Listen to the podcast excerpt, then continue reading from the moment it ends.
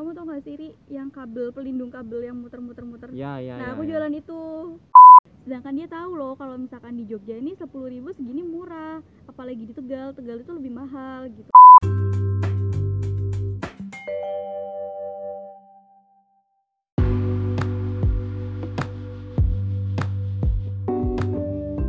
Halo semuanya dan selamat datang podcast Fahri Pada episode kali ini. Aku kedatangan tamu spesial namanya Nurul. Halo Nurul. halo Fahri.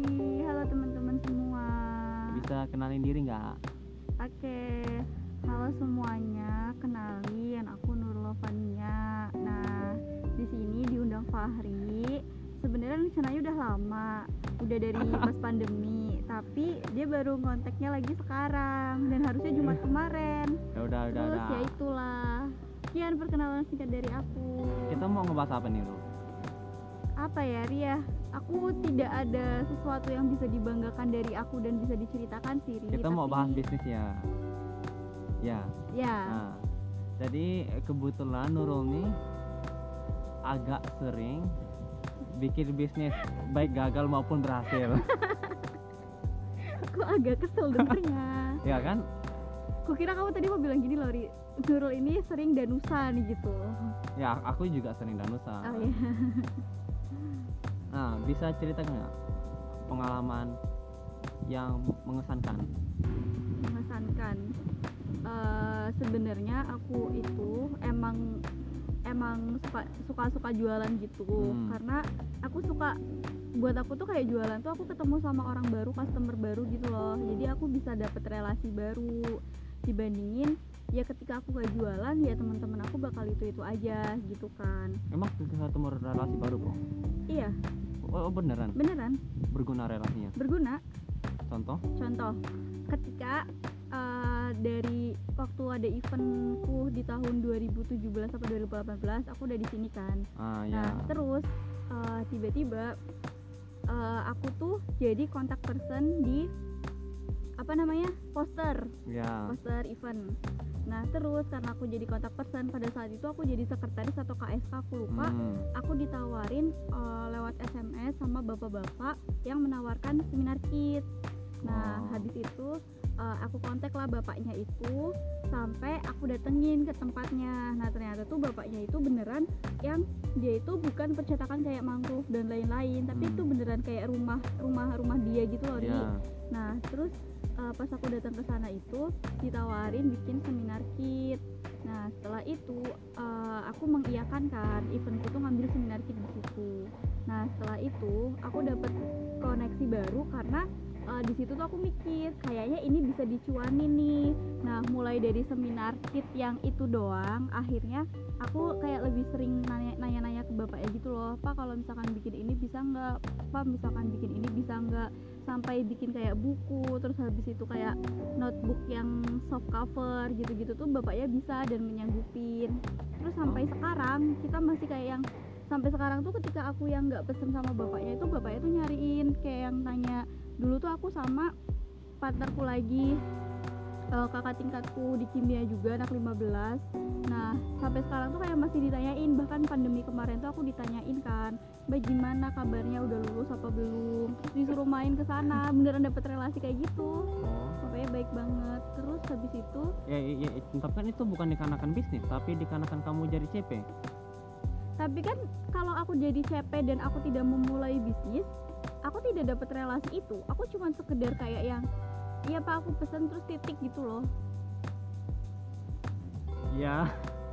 Menurut aku tuh relasi itu dia itu bakalan apa sih namanya kayak yang aku bilang kamu relasi aku karena kita uh, tektoknya itu nggak cuma di hal itu doang gitu loh Ri. Kita bisa mengeksplor aku bisa mengeks aku bisa mengeksplor jualanku kamu juga bisa mengeksplor apa yang kamu hasilin gitu loh. Aku jadi pengen manggil nama orang. Gitu terus apa lagi ya? Relasi yang aku dapetin lagi ketemu partner-partner partner buat partner bisnis. Sama eh, ini waktu aku gabung di salah satu eh, apa? salah satu bisnis cuttingku. Oh. Aku mau sebut merek. Eh, di situ tuh aku sebenarnya eh, banyak banyak dapat banyak dapat apa ya namanya ya banyak positifnya gitu loh. Hmm. aku aku kenal sama eh, Danu Sofwan. Dia itu yang punya cendol Raja Cendol. Nah ya. Terus yang punya Baba Raffi. Aku nggak tahu itu apa? Har ah yang punya Baba Raffi tuh Lori ya beberapa rapi itu apa nggak tahu? Kebab kebab. Oh ya udah kebab kebab. Ya pokoknya itu pendiri pendiri kebab Baba Raffi yang dia itu punya uh, lebih dari 13.000 outlet di Oh, iya? Indonesia iya Oh. dan ya aku nggak pernah makan iya kebab dan dia itu juga yang pionirnya si Tugu Jogja itu tuh sebenarnya Hah? bisnis barengannya dia sama oh teman-temannya oh, gitu loh iya, iya. nah kebetulan tuh pas itu tuh dia eh diundang sama temanku yang punya bisnis ini buat datang ke kedainya dia Hmm. Nah kebetulan di situ ada ada aku juga, maksudnya aku masih gabung di situ gitu loh. Terus kayak dapet dapet pengalaman baru diceritain juga sama dia. Kayak dapet mentor-mentor yang sebenarnya tuh eh, aku nggak bakalan bisa ketemu kalau misalkan aku nggak gabung di bisnis itu gitu. Iya. terus awalnya kenapa pengen bisnis kayak aku jujur nggak tertarik bisnis ya sekarang Ah, apa bedanya kamu sama aku mungkin karena aku dari dari kecil atau dari aku keluargaku tuh punya bisnis kuliner gitu oh iya di di rumah di Tegal Apa? sana warung sate oh ya nah dan itu tuh kayak bener-bener setiap liburan itu kita nonstop 24 jam gitu loh Ri. jadi udah terbiasa aku udah terbiasa ngeliat eh, papaku ngitung duit terus habis itu eh, ya gitulah eh, ngasirin aku mulai aku mulai ngasirin warung keluarga itu dari kelas 4 SD nah terus karena aku masih kelas 4 SD itu aku punya pengalaman yang malu-maluin banget jadi kan warung sate Ah. warung sate dan gak cuma sate doang kayak ada ayam bakar gitu gitu nah kan aku selain jadi kasir pada saat aku kelas 4 atau kelas 5 SD itu aku juga yang ngelayanin gitu loh ngelayanin Ya. customer yang jadi pelayan gitu loh Ri. nah terus aku nggak ngerti si pembeli ini dia lagi mabok apa gimana. Intinya tuh dia pesen ayam bakar. Aku ingat banget ayam bakar. Nah terus aku lagi nungguin tuh lagi nungguin si ayam bakarnya mateng. Hmm. sambil ngenatain kayak kan biasa kalau di ayam bakar tuh ada bawang tomat gitu-gitu kan. Aku lagi natain kayak gitu. Nah entah lama atau gimana nasinya itu udah maju duluan kan nasi Ya. nasinya jadi nasinya tuh pakai bakul gitu loh. Ya. Nggak yang per piring ya. Aku dipukul pakai centong ri. Sumpah ngenain kepalaku banget. Terus aku langsung nangis di situ. Kelas 5 SD coba aku dipukul kenapa dipukul? Ka- karena katanya lama. Terus habis itu aku dipukul pakai centong bener-bener centong nasi kenain kepala aku. Woi lama banget sih gitu kan terus aku nggak ngerti kan oh, yang lain tuh kayak biasa aja gitu loh. Aku kayak yang lain. Apa aku langsung nangis kelas 5 SD itu aku langsung kan kebetulan kalau di rumahku tuh yang di bawah buat warung di atas tuh buat rumah kan. Hmm. aku langsung lari ke atas aku ngadu sama mbakku. Mbak Nunun di- dipukul pakai centong gara-gara lama ayam bakarnya gitu kan. Terus mbakku turun. Terus nggak tahu sih katanya sih emang orangnya tuh mabuk gitu loh. Oh, emang iya. lagi lagi lagi ya gitu lah lagi mabuk gitu. Nah dari situ tuh aku malah justru kayak yang penasaran gitu loh ri sama bisnis kayak senang aja. Iya kayak yang seneng karena dikarenakan karena dipukul pakai jadi tuh kayak yang aku jadi punya cerita gitu loh ih customer ini ngeselin gitu. Ih customer ini gitu. Terus sama yang aku bawa nampan kalau bawa nampan itu kan harus seimbang ya. Ya nah aku tuh paling nggak bisa bawa nampan kalau misalkan dia isinya botol. Jadi aku pernah Hmm, lebih susah gelas nggak sih? Enggak lebih susah botol. Jadi aku bawa soda gembira soda gembira kan dia ada gelas sama Ya. sodanya. ya. Aku delapan soda aku pecah semua. Terus lagi ke bawah iya iya ya kalau pecah satu pecah semua dong. Iya itu. Nggak bisa pecah. Ya itu. Terus kayak mungkin karena dari aku dari situ dari kecil aku udah mulai kayak yang ngelihat mamaku bisnis juga kakekku bisnis. Jadi kayak yang ya udah pengen aja gitu. Hmm.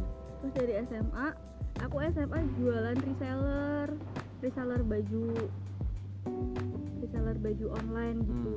Aku bawa aku bawa ke SMA jadi kayak yang eh, aku bawa tapi aku bilangnya itu ini pesanan dari orang.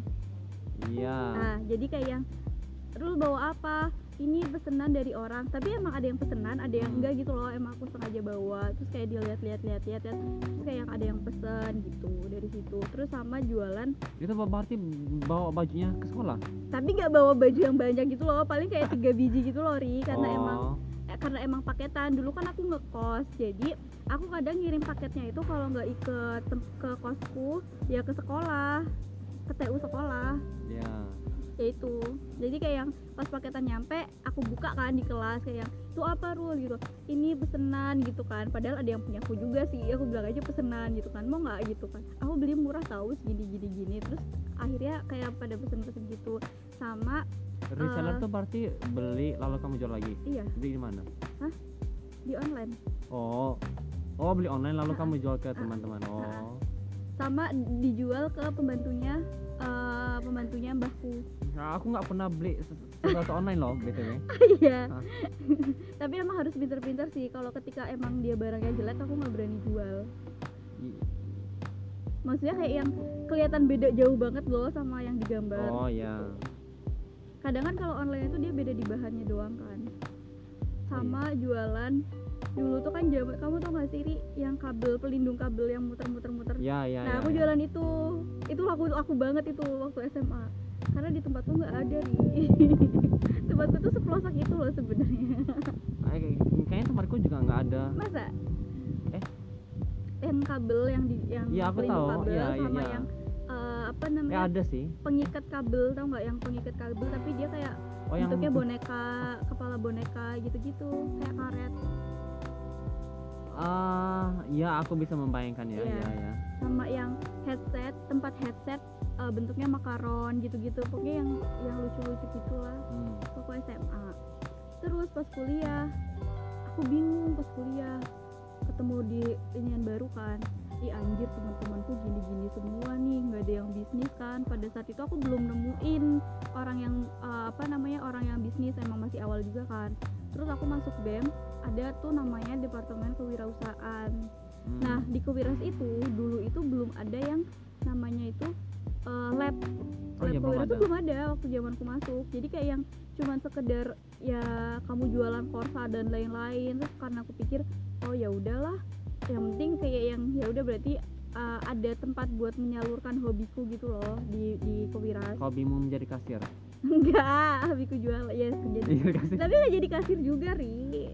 Oh enggak boh Ya maksud aku kan di Kewiras nggak jadi Ya. kasir juga gitu. oh ya ya ya ngegas banget ya aku ya gitu nah terus eh, aku kenal lah sama cutting hmm. terus teman-teman yang ternyata tuh emang sama-sama ya ketika aku ketika aku ngewawancarain orang yang masuk ke Wiras juga orang kan menjawabnya ingin memiliki ingin men- Menumbuhkan mening- jiwa jiwa kewirausahaan, kewirausahaan gitu ya. kan. Ya jadi kayak yang ya udah berarti aku di situ menemukan orang-orang yang ingin menumbuhkan jiwa kewirausahaan gitu. Ya terus? Terus habis itu yaitu dari Semkit itu eh itu 2017 berarti. Dari Semkit aku iseng aku ngejual aku mengiklankan. Karena di bapaknya itu bener-bener murah banget ri. Kayak jauh dari harga pasar gitu kan terus aku dapet tuh eh, event dari salah satu fakultas di UGM ya. Bukan MIPA tapi ya. Terus ya ya ya. habis itu eh, aku aku melakukan kesalahan. Ya itu. SMK itu apa? Seminar kit seminar kit. Oh, kayak iya. yang block note pulpen Oh, terus iya. tas.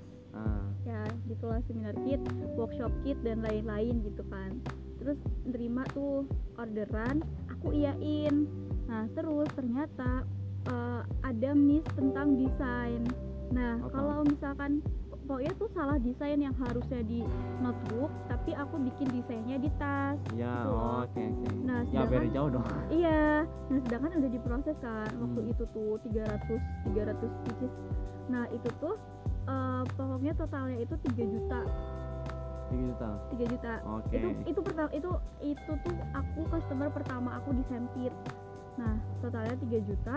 Habis itu eh, aku ngembaliin kan nggak bisa kan? Nggak bisa dikembaliin. Ya sedangkan acaranya itu ya kayak yang udah hamin seminggu gitu loh. Nah. Emang mm, kok prosesnya berapa lama itu prosesnya sekitar 7 sampai 10 hari. Oh ya nah jadi kan kayak nggak Ya, nggak nggak- nggak ke- ke ini kan nggak sesuai gitu kan. Ya terus nggak kesampaian. eh, eh, akhirnya eh, ya udah mbak yang ini aku kembaliin aja aku ganti vendor kata dia gitu kan. Hmm. Terus, oh iya mbak gitu. Anjir aku nyari situ gimana? gitu kan. Ya aku bertanggung jawab bertanggung Ya. jawab gitu kan. Terus akhirnya aku punya waktu itu simpanan satu juta yang dua jutanya aku bingung ri aku pinjem sama katingku yang di Kuwiras eh, yang yang sekarang jadi partner aku. Hmm. nah terus habis itu aku pinjem mbak kamu ada nggak mbak? Aku aku ceritain dulu kan mbak aku goblok banget aku tuh gini gini gini gitu kan. Ya Allah nah dia bilang gitu kan. Akhirnya dia juga minjemin ke pacarnya gitu kan. Hmm. Terus yang ya udah nanti aku coba tanya sama mas ini gitu kan ada apa enggak alhamdulillahnya ada nah dari situ itu dia kayak yang kasihan sama aku gitu loh Ri. Akhirnya dia kayak yang, ya udah sekarang kalau misalkan ada mau pesen ini kamu bikin form aja atau enggak kirim lewat email biar gak pecah biar nggak ini. Terus juga ada review sebelum cetak kayak yang aku jadi belajar gitu loh. Oh ya harusnya ada di review dulu sebelum sebelum Review dicetak. maksudnya gimana? Review jadi kayak yang di desainnya itu udah aku tempel di apa namanya di di mock up di tasnya Oh, iya. di mock up di mo- tasnya jadi kayak yang ini ya mbak udah bener desainnya cuman bisa dua kali ganti aku bilang kayak gitu kan ke ke customer selanjut selanjutnya ya udah alhamdulillah sampai sekarang ini Eh, enggak sih sampai sebelum pandemi masih jalan Gitu. yang tiga jutanya paling nggak tiga jutanya aku nggak ba- ya balik sih akhirnya balik maksudnya Oh, iya. balik balik untung Modal ya, kan Pak, iya balik modal. banget kalau itu oh oh iya Iya, karena aku ada satu nerima eh, eventnya Geofis, tapi dia event yang apa sih namanya? Bukan bukan PNG, pokoknya gas gas gas oil gitu. Eventnya Geofis apa sih? Aku nggak tahu deh. kayaknya bukan Maaf ya an teman-teman Geofis, aku nggak tahu. Tapi tuh yang dia itu tapi kerjasamanya itu sama eh, orang Malaysia. Ah, Jadi iya. yang pesen di aku tuh orang Malaysia. Nah dia itu pesennya tuh yang biasanya eh, biasanya tas yang biasa gitu ri Hmm, yang ya orang-orang seminar gitu. Hmm. nah dia itu tasnya itu tas belacu yang dijual di Danusan. Ngerti nggak? Kan beda jauh tuh tas seminar sama tas yang dijual di Danusan. Ya nah itu jadi aku ngambil untung lumayan banyak pas waktu itu oh iya? Maaf ya. Itu terus habis itu eh, karena aku gabung di kamu apa ya? karena kamu gabung di aku gabung di Kowiras. Nah aku jadi ketemu sama temen-temen yang ya udah yang dia udah udah lebih dulu di Kowiras kan. Nah dulu tuh kita ngebangun lab Kowiras mulai dari nol. Mulai dari nol. Iya. Nggak ngebangun. Apa sih? Me- mewacanakan. mewacanakan dan menyusun sistemnya itu. Nah ya udah dari situ aku belajar lebih banyak lagi sih tentang bisnis. Terus eh, habis itu aku disuruh gabung di eh, salah satu katingku yang dia punya kedai. Hmm. gitu. Kedai susu. Kedai susu. Iya. tapi karena emang eh, ada eh, apa namanya perbedaan visi misi jadi aku memutuskan Oh. untuk tidak gabung lagi gitu. Tapi Oh. sampai sekarang kayak masih oke oke. Oke. Justru aku belajar banyak sih dari sana.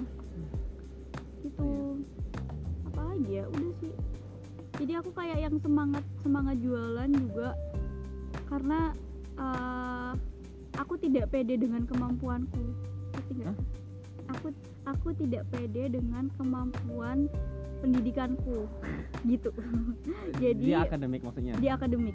Aku merasa nggak pede. Jadi aku uh, berpikir kayak yang aku kayaknya nggak mau deh terjun. Yaitu yang tadi aku cerita sebelumnya kan pas aku pada Diza aku sebenarnya itu dari awal itu nggak pengen terjun lagi di kimia kerjanya. Tapi aku mikir oh aku nggak boleh idealis nih.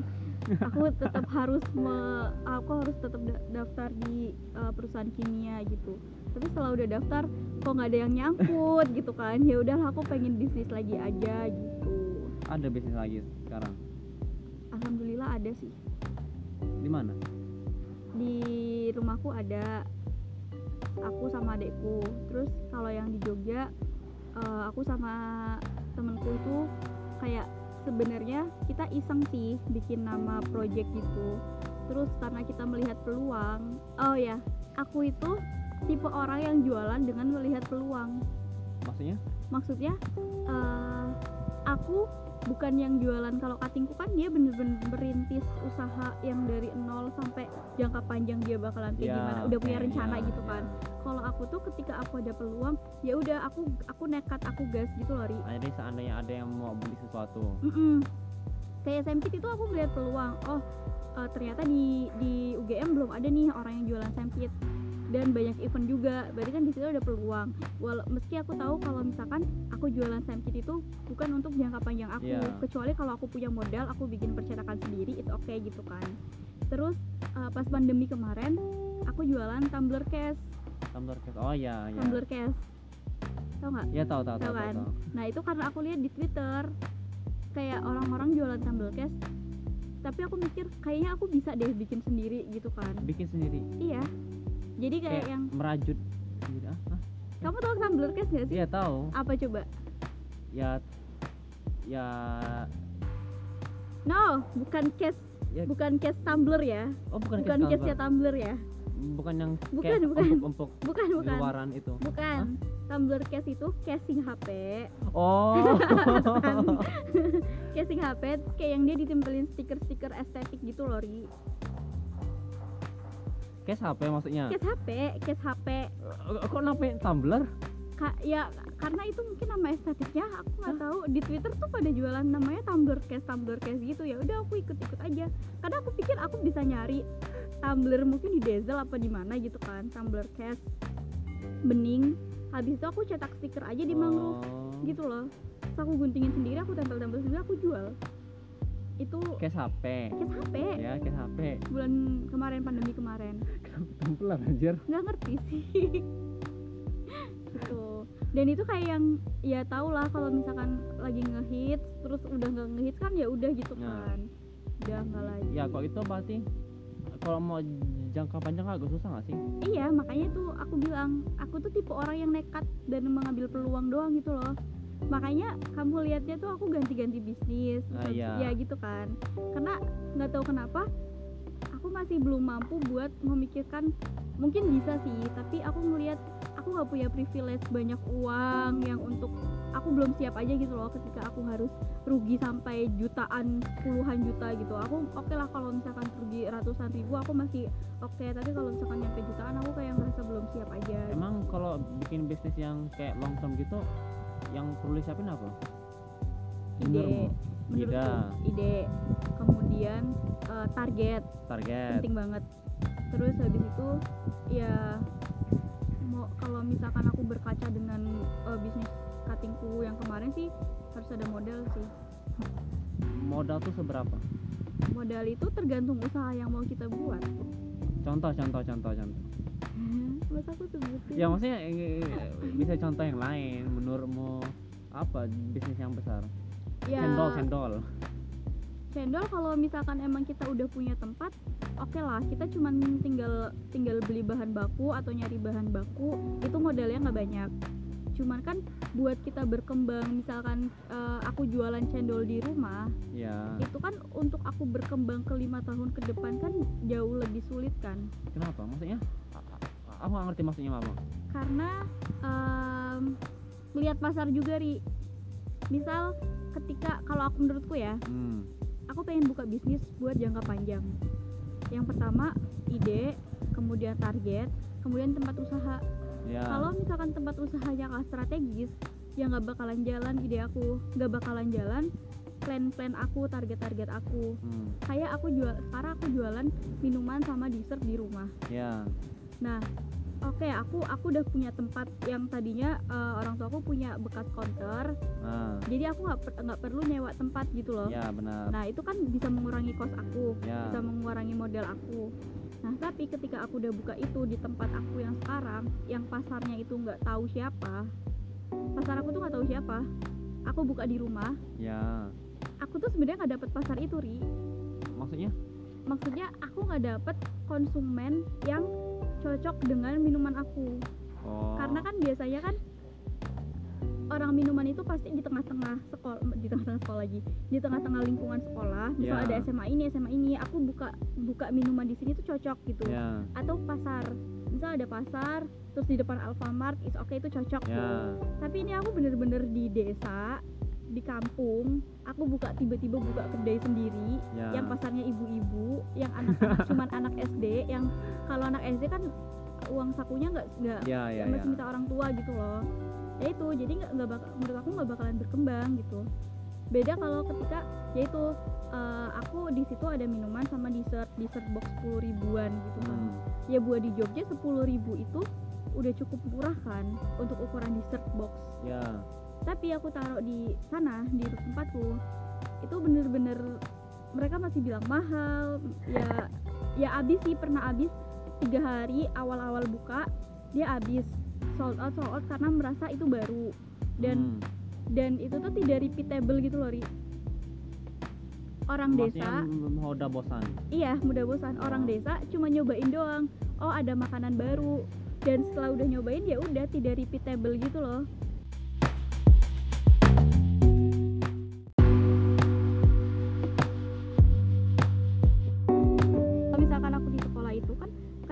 tiap hari pasti ada anak sekolah kan. Ya eh, ya apa sih namanya perbandingannya itu lebih banyak yang beli dibandingkan aku buka di kampung gitu loh. Ya ya ya ya ya wajar. gitu. Ah. jadi ya kita harus nemuin tempat yang strategis. Ya tempat yang strategis itu kan butuh modal. Kalau berarti kalau kayak tempat perdesaan kayak kamu yang cocok apa menurutmu? Yang cocok? Aku bingung juga yang cocok apa.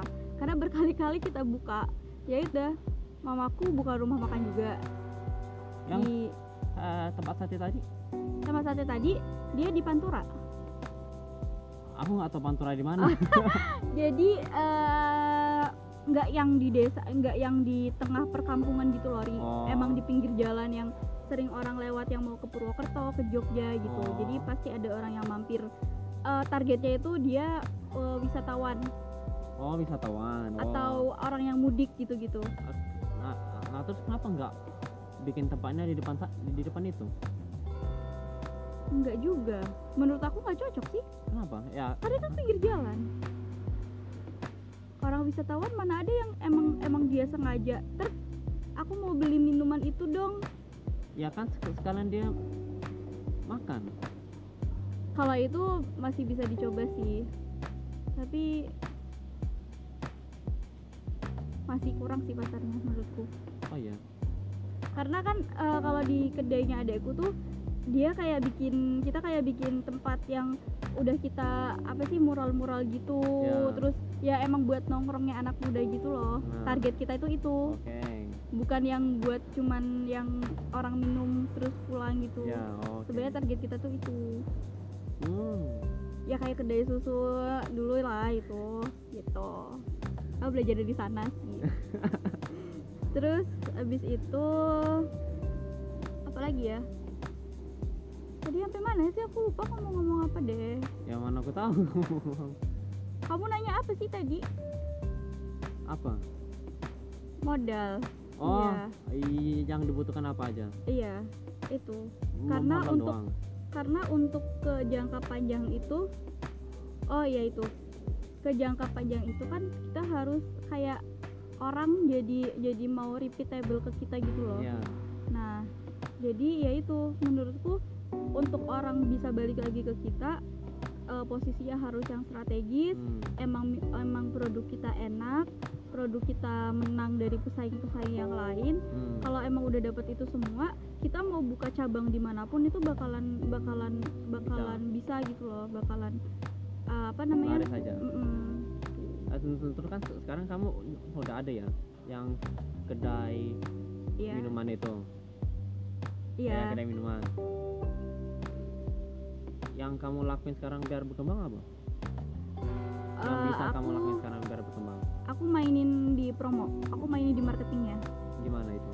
Kan karena ada beberapa varian minuman itu jadi misalkan tiap bulan itu aku sama adekku ya minimal dua kali atau tiga kali lah. Misal harganya tuh sepuluh ribu. Hmm. aku buat promo uh, misal varian matcha sama strawberry minggu ini atau hari ini 18.000 dapat dua cup kayak gitu. Aku main di Oh. promo itu sih. Itu dan ramai kalau misalnya ada promo? Lumayan. Oh, lebih uh, lebih mengundang. Karena uh, dari teman-teman adekku juga kan. Teman-teman adekku kan masih SMA jadi kayak yang oh ya ya masih ada pasarnya dikit-dikit lah. Tuh kalau yang dessert box itu aku sekarang ini lagi eh, emang buka reseller di kota jadi aku kota kota Tegal. Oh ya jadi karena di tempatku itu kan dia pelosok. Ya. Jauh. Jadi kalau mau ke kota tuh sekitar 30 kiloan gitu. 30 kilo itu berapa menit? Satu setengah. Oh ah satu satu setengah jam? Beda ya 30 kilo Jogja sama 30 kilo di sana. Lebih lama di sana? Lebih lama di sana. Oh iya gitu. Jadi kayak yang emang harus PR juga gitu kan. Nah aku iseng karena aku eh, sama mamaku tuh kayak yang mikir ini sebenarnya di box itu harus dijual seberapa biar laku gitu Hmm. kan. Akhirnya aku iseng nanya di Twitter ada kayak akun base gitu. Akun apa? Akun base. Akun base itu kalau kita ngirim ngirim ngirim ke base itu ke akun Twitter itu ya nama kita bakalan anon gitu loh. Ya oke. Nah kayak gitu. Jadi aku oh ya, ya jadi kayak ada akun base Tegal. Hmm. aku nanya guys kalau di Tegal ini sebenarnya 10.000 itu dia murah apa mahal sih? Hmm. gitu kan. Nah terus banyak banget yang nge-reply murah banget cepetin eh, cepetin cepetan kasih tahu tokonya di mana bla bla bla bla. Nah itu akun base Tegal. Nah terus aku kasih tahu tuh ke mama kan mah ternyata kalau misalkan kita jual ke daerah sana daerah utara sana tuh ya banyak loh mah peminatnya. Terus kayak aku baru sadar oh karena kalau misalkan daerah kota itu kan emang banyak lebih anak eh, eh, ya banyak anak muda yang dari dari perantauan juga kan Ah, kayak yang oh ya ya, ya, jadi ya. kayak yang misal di Jog di Jogja lagi di Tegal ini banyak eh, anak yang kuliah di Jogja Semarang sedangkan dia tahu loh kalau misalkan di Jogja ini 10.000 segini murah. Apalagi di Tegal Tegal itu lebih mahal gitu kan. Hmm. jadi kalau ada yang segitu 10.000 ya murah lah gitu loh. Nah aku dapat banyak banget itu. Kayak yang replyan replyan itu akhirnya aku aku cerita ke mamaku. Tapi sayangnya lagi aku sama adekku tuh dua-duanya nggak bisa naik motor nah tinggal ke sana gimana? Nah itu. Jadi kayak itu PR lagi ya. Mah ini tuh sayang banget loh. Kayak yang ini kita dapat pasar banyak banget gitu kan. Sayang banget kalau misalkan nggak kita manfaatin mumpung di Tegal belum ada. Takutnya nanti malah ide kita ya ada Keambil. keambil gitu karena ngelihat an- banyak antusiasnya gitu. Mama aku juga bingung juga. Eh, adekku yang adekku bilang gini eh, karena adekku gak bisa naik motor aku bilang udah lah deh ajakin pacarmu aja. Gitu kan. Bah aku baru putus gitu. Bah aku semalam baru putus gitu kan. Oh ya udah deh gitu. Aku bisa ngomong apa-apa. Akhirnya aku nyari nyari orang. Oh akhirnya nyari. Nyariin pacar buat adikku enggak lah. Aku nyari orang. Aku nanya ke ke adik adik kelasku SMA kamu punya temen nggak ya yang bisa aku aku apa namanya aku minta tolong satu minggu sekali aja buat ke daerah Tegal buat temenin adekku COD gitu. Aku bilang cewek aja nggak apa-apa. Aku bilang gitu. Oke udah Iya, jadi Hmm. kayak sistemnya tuh eh, ya udah seminggu sekali kita eh, kita apa sih namanya? Buka di Tegal. Buka di Tegal jadi kayak COD gitu loh. Oh, karena iya. kita nggak ya aku nggak berani lah bilang mah ayo kita buka di Tegal nyari tempat. Nggak mungkin lah cuy gitu kan. Nggak Oh. segampang itu karena eh, orang tua aku juga masih kayak yang mikir buka tempat itu nggak semudah itu bla bla bla bla bla bla. Tapi kan kalau anak muda sekarang kan lebih kayak modal nekat kan. Ada ada tempat ini ada ini ini ya udah kita buka gitu kan. Makanya sekarang banyak kafe kafe gitu. Tapi mamaku tuh nggak nggak nggak bisa kayak gitu. Kayak yang aku aku pun pengen pengen jualan di Tegal dengan COD pun negonya lama banget gitu loh. Sampai aku dimarahin ayahku dulu. Coba gimana kalau hujan gini gini gini. Ya aku mikir ya kalau hujan tinggal ba- bablas aja gitu kan pikiranku gitu loh. Tapi kan ayahku nggak nggak gitu gitu. Mesti kayak yang ya nanti kalau hujan gimana adekmu bla bla bla bla bla bla ya udah gitu. Akhirnya aku cariin orang. Udah aku cariin orang yang penting orang rumah itu bikin aja nih si oh ah, Si makanannya cuman gitu. eh, untuk nganterin aja? Cuma anterin aja. Oh. Gitu. jadi aku sekarang kayak sistemnya. Ada reseller juga karena ketika dari tempatku ke Tegal ini kita melewati 1, 2, 3, 4 kecamatan. Ya jadi aku mencari reseller tiap-tiap kecamatan. Oh gitu. biar sekalian biar sekalian di drop gitu loh iya Hmm. di stok jadi aku kayak yang eh, aku kayak sebenarnya nggak bikin proposal sih karena kalau misalkan aku bikin proposal usaha siapa yang mau jadi reseller kan mereka nggak ngerti juga kan. Iya. jadi kayak aku mbak mau nggak misal ada yang order kan order ke aku. Ordernya lewat aku ri. Hmm. jadi nggak lewat adekku. Jadi nanti aku yang merekap aku kasih ke adekku sama mama aku mereka yang bikin nanti yang nganter kurir gitu. Oh. Terus eh, aku nanyain kan eh, alamatnya di mana mbak? Misalkan di kecamatan ini. Bang mau nggak jadi reseller? Terus aku aku ada kayak yang screen screen capture yang banyak peminatnya dari Hmm. base itu kan. Peminatnya lumayan sih mbak. Di di Tegal belum ada gini gini. Gini nanti dapat harga khusus gitu. Alhamdulillah mau dengan Oh, iya. Nah, gitu. Jadi sekarang lagi itu sih. Lagi ngembangin itu. Kalau aku dapat rezeki mungkin aku pengen buka itulah apa kayak outlet khusus di Tegal yang dessert itu? Doain ya Ri. Oh i- yang dessert sama yang mi- minuman beda tempat. Atau Jadi- tempatnya sama? sama kan kalau dessert kan kayak cuma tinggal taruh di kulkas aja kan Oh, iya. sebenarnya kan? Nggak yang menyediakan gitu. Itu. Ah, Nah. panjang sekali aku cerita. terus Gitu. kan ya kamu kan juga takut resiko ya? Iya memanage resiko gimana caranya? Atau ngegas aja? Cari aman sih sebenarnya apa gimana? Eh, cari amannya ya aku nggak terlalu ngoyo yang harus eh, mengeluarkan banyak uang untuk apa ya kalau sekarang kan banyak bisnis yang mengeluarkan uang lebih di awal ya untuk mendapatkan customer. Nah tapi kan customer itu kan tidak repeatable kan? Ya. Jadi aku lebih kayak cari amannya ya udah aku dengan apa adanya yang sekarang aku kencengin dengan mengunggulkan produkku terlebih dahulu. Hmm. Nah, kalau misalkan emang mau promo, aku lakuin promo kalau misalkan lagi sepi, emang lagi sepi banget di minggu itu atau di bulan itu, sama ketika emang eh, emang waktunya promo. Gimana sih? Maksudnya kayak aku ngikutin ngikutin promoan misalkan 10 10 11 11 kan kadang kayak di Shopee itu kan ada Ya. kan 10 10 11 11 12 12 aku kadang ngikutin itu atau promo 17-an atau promo Sumpah Pemuda aku Hmm. kayak lebih ke situ dan kalau aku bikin promo pun nggak yang langsung promo beli satu gratis satu gitu loh. Itu kayak menurutku masih buang-buang uang sih. Jadi kayak yang promo yang kita pun masih untung gitu. Oh ya oh mm, biasanya yang beli satu kali satu tuh nggak untung ya? Biasanya harganya udah dinaikin dulu nggak sih? Iya maksudnya atau atau mm, biasanya emang lebih dari lebih dari 50% persen sih Nah. atau dia emang udah menyiapkan modal marketing di awal oh itu hitungan nah modal marketing. marketing. Oh jadi dulu Iya waktu di itu it- waktu di sana juga eh, emang kita udah menyiapkan modal marketing misal 500.000 ribu. Nah 500.000 ribu ini bisa buat berapa cup? Hmm. misal bisa buat 500 ribu tuh berapa cup sih? 5 eh, misal 50 cup ya udah kita cuma buka buy one get one buat 50 orang atau kalau misalkan dalam satu hari itu customer kita dilihat cuma 10 orang ya udah kita bikin dua hari gitu kan.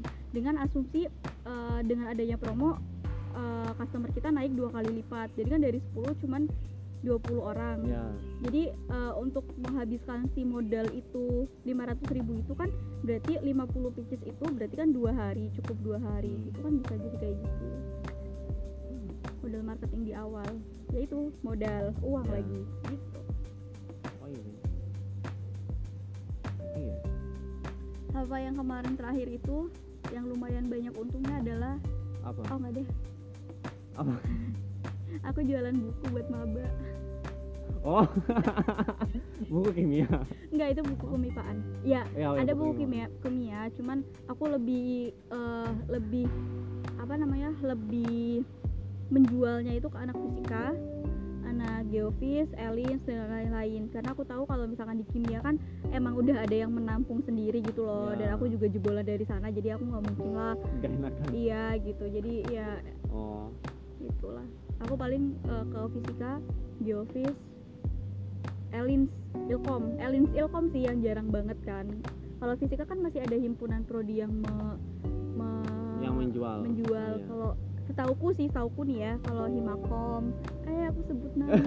Di ini ya Ri kalau misalkan Ilkom sama Elisan dia nggak nggak ini nggak jualan buku. Setauku sih Iya. jadi aku berani. Ataupun nggak jualan buku fisika iya gitu. Nah jadi tuh kan kamu nyetak pizdas ya lalu dijual. Dijual? Oh, iya. Gitu.